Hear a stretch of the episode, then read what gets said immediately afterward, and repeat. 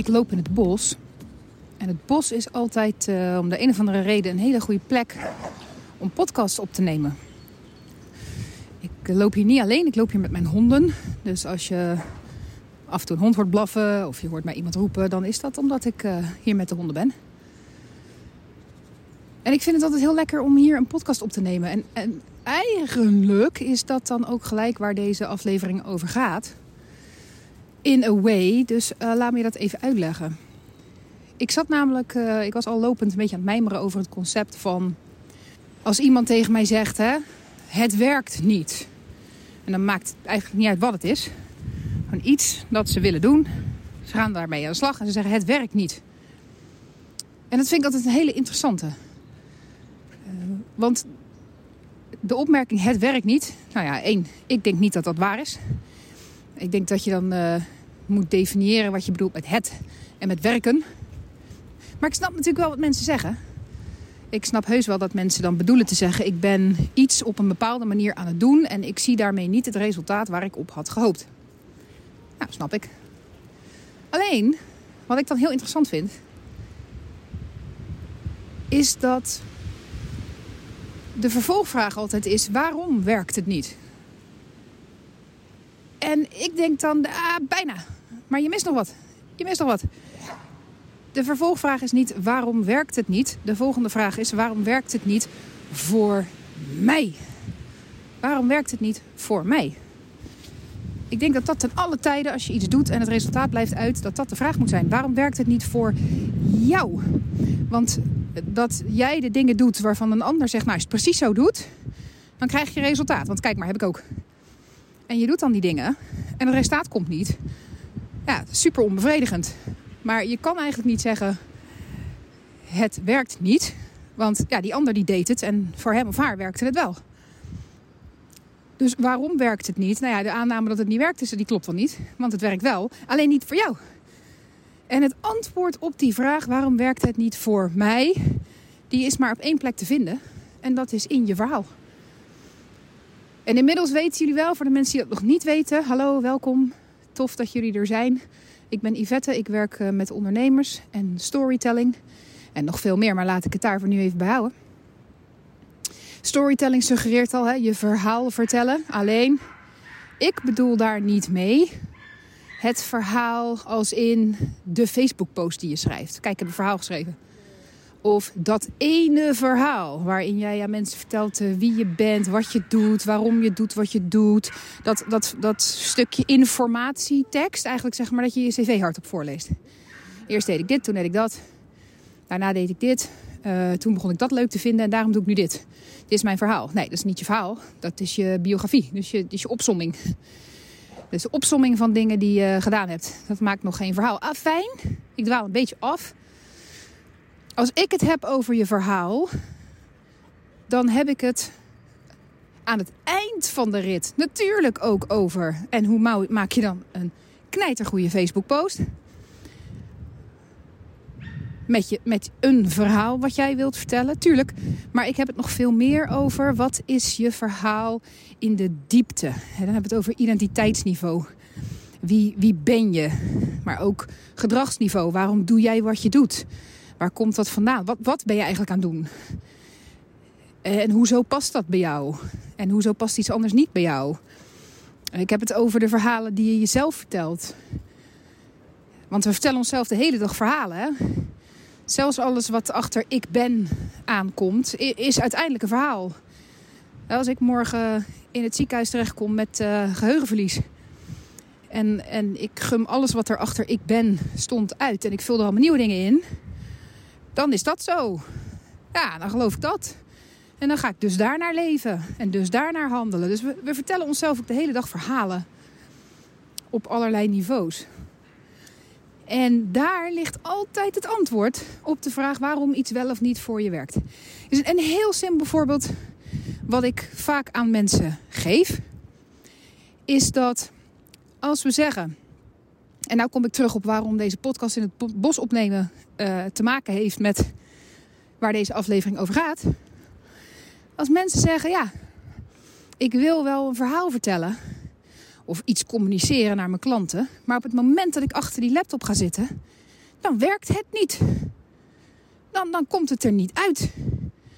Dus ik kan, ik kan dat niet, hè, dat storytelling. Ik kan niet goed communiceren. Want als ik ga zitten achter mijn laptop, dan werkt het niet. En dan is het gewoon nog niet. Bij heel veel mensen is het dan nog niet opgekomen. Dat je ook in het bos kunt gaan lopen. Je dictafoon aan kunt zetten. Kunt gaan wandelen en kletsen tegelijk. En dat later uitschrijven. Of editen en als podcast uitbrengen zoals ik dat nu doe. En ik weet dat ik heel goed ga op dingen vertellen. Ik ga, als ik achter een laptop ga zitten en ik denk, nu ga ik eens iets geweldigs schrijven. Ja, dat is niet waar mijn sterkste talent ligt. Uh, grappig genoeg wel weer als iemand anders mij een tekst op papier stuurt en zegt hoe kan die beter. Nou, dan ga ik helemaal, uh, gaat er een vuurtje aan. En dan heb ik in, uh, binnen vijf minuten heb ik geknipt, geknutseld, gehusseld, aangevuld, het technisch lekker gemaakt. En is het een staaltje storytelling waar je u tegen zegt. Maar vanuit mezelf vind ik dat ook gewoon lastig. En dat hebben veel van mijn klanten ook. Die zeggen dan ja, maar Yvette, dat storytelling. Ja, als ik moet gaan communiceren naar klanten, dan, dan wordt het zo moetje.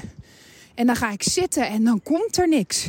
Ja, moet ik dan gaan communiceren? Moet ik dan doorschrijven? Moet ik dan gaan zwoegen op zo'n. Nee, natuurlijk niet. Nee, natuurlijk niet. Maar dat hebben ze dan ergens ooit gehoord van een coach die zei: Ja, als je dit resultaat wilt bereiken, dan moet je elke dag een post schrijven.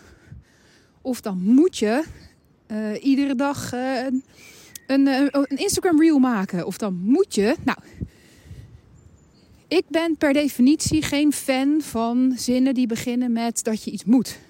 Je moet zus of je moet zo. Nou, weet ik niet. Ik hou er meer van om te gaan graven in iemands verhaal en dan te zeggen: hey, kan het zijn dat dit de manier is voor jou om tot dat resultaat te komen? Ga eens proberen. En als iemand dan zegt: ja, geprobeerd. En of het is gewoon, uh, weet je, spot on en dit is fantastisch en, en, zo blijf ik het doen. Super. Of iemand zegt: nou ja, ik heb het geprobeerd. Ik heb het een tijdje gedaan, maar ik merk dat dit werkt en dat niet. Ook fantastisch, want zo werkt het leven. Hè? dat je iets gaat doen en er dan achter komt: dit hiervan werkt wel, dit hiervan werkt minder goed. Of het werkt een tijdje perfect, maar dan verandert er iets in jouw verhaal. In je situatie, in je eh, bedrijf, in je privé. Het maakt helemaal niet uit waar. Maar dan verandert er iets. Waardoor datgene wat je deed ineens niet meer tot datzelfde resultaat leidt. en dan moet je aan de knoppen draaien. En volgens mij kan dat niet van buitenaf dat iemand zonder naar jouw verhaal te kijken, kijkt naar wat je aan het doen bent en dan zegt: Oh, ik zie het al. Jij doet dit of dit. Nee, je moet het zo doen, want dan gaat het werken. Kan toch niet? Ik zie het wel gebeuren. Vind ik fascinerend. Ik, huh? Hoe dan? Uh, volgens mij kun je niet anders dan je verhaal als uitgangspunt nemen. Dat wat jou tot jou maakt. Pas dan kun je gaan uitvinden wat werkelijk bij je past.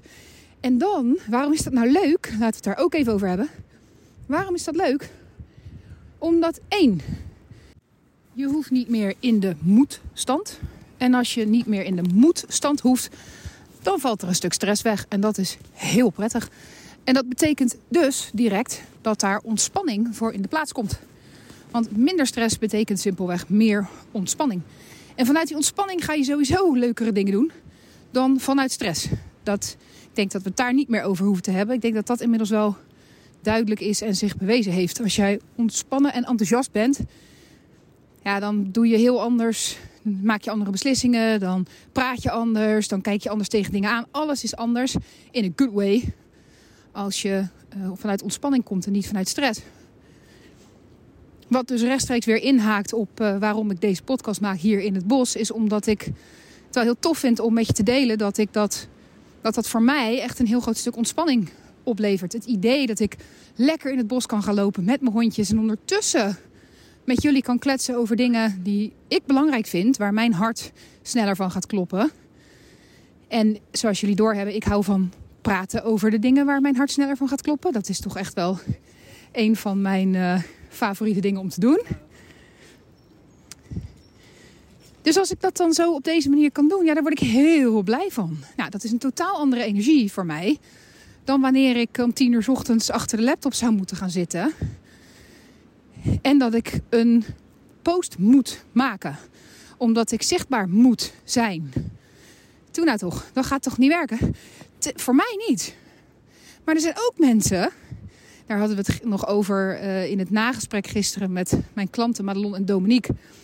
Daar kun je ook even naartoe terug luisteren als je dat uh, wilt. Het was een heel mooi gesprek. Podcast aflevering 22.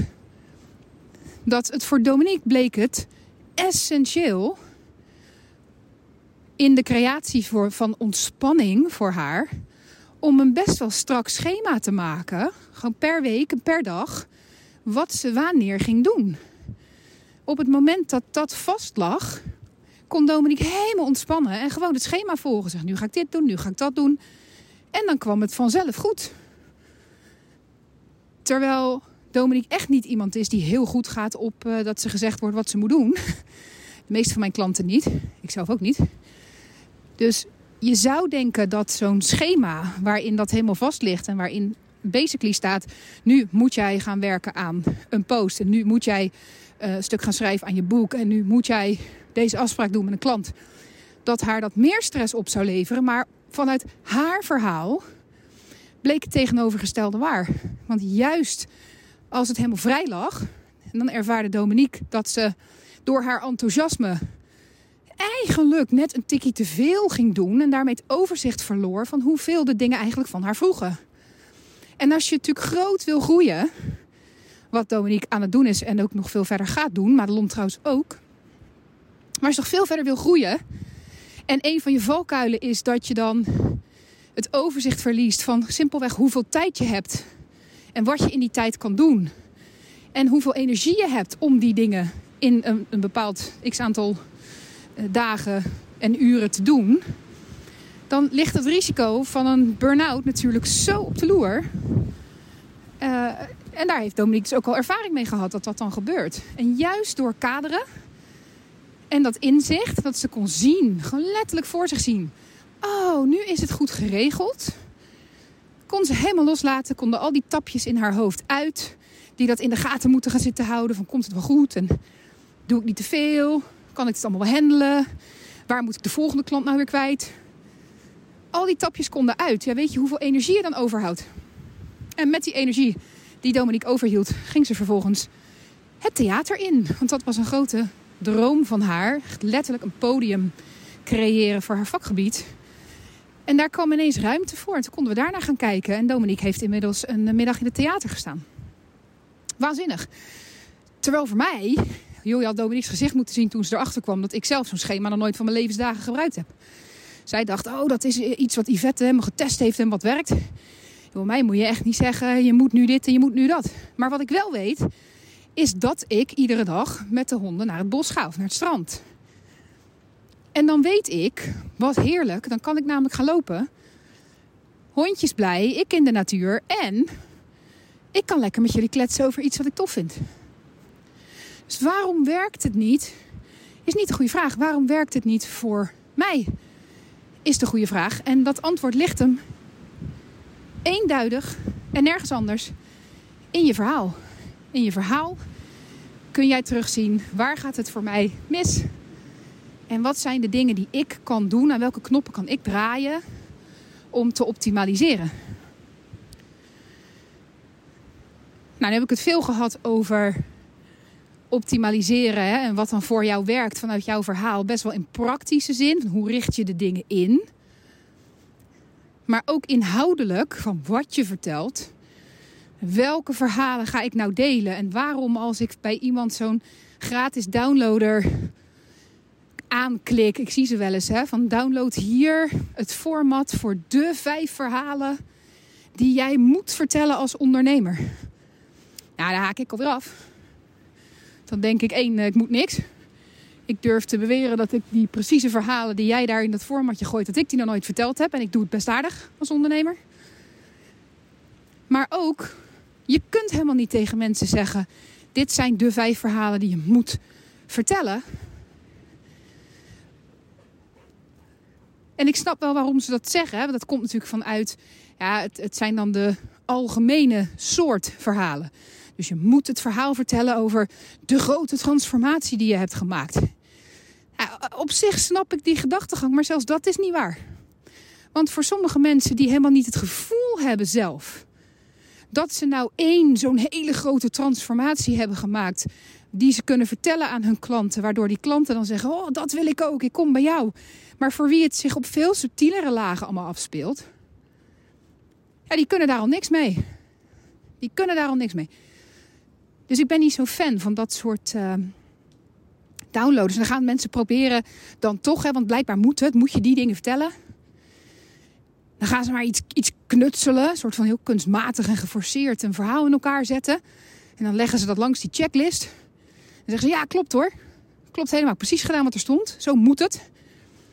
Dat delen ze op Facebook of ze versturen een nieuwsbrief. Of ze zetten het, uh, misschien doen ze gesproken in een, in een reel of in een live of weet ik het. En vervolgens gebeurt er niks.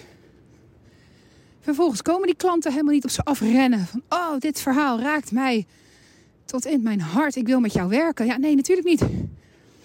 Want dat verhaal is niet begonnen bij de persoon zelf. En wat is dan jouw verhaal? En wat zit er dan in? Welke dingen kun jij daaruit halen om te vertellen zodat het voor jou gaat werken? Het komt van extern, van iemand die zegt: dit format en dit moet je doen.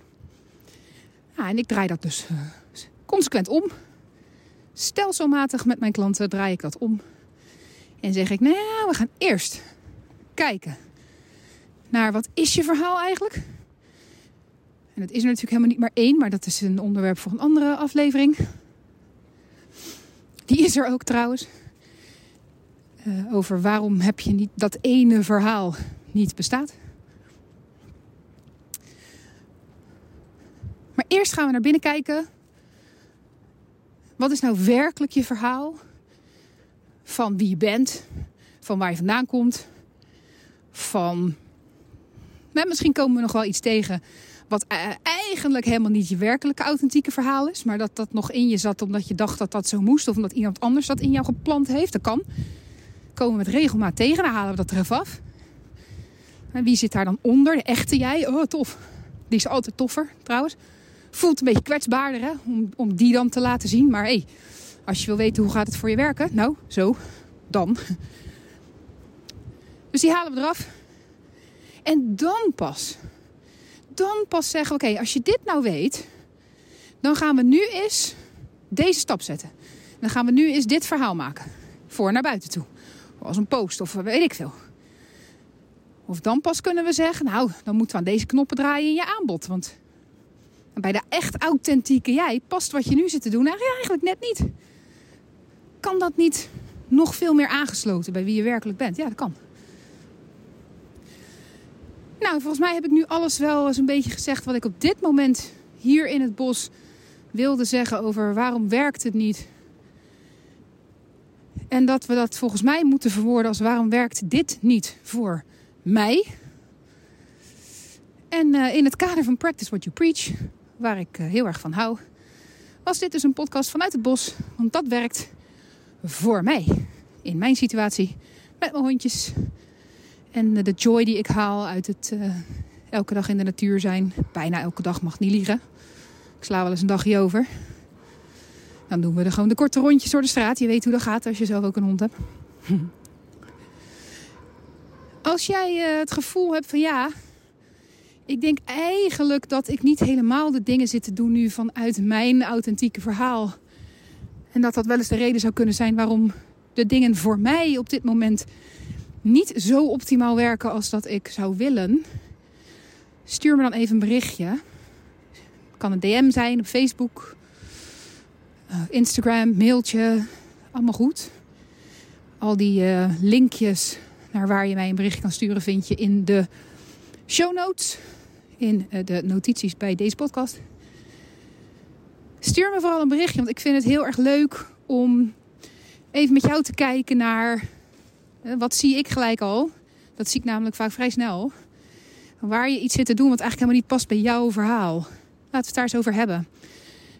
En sowieso vind ik het leuk om van je te horen.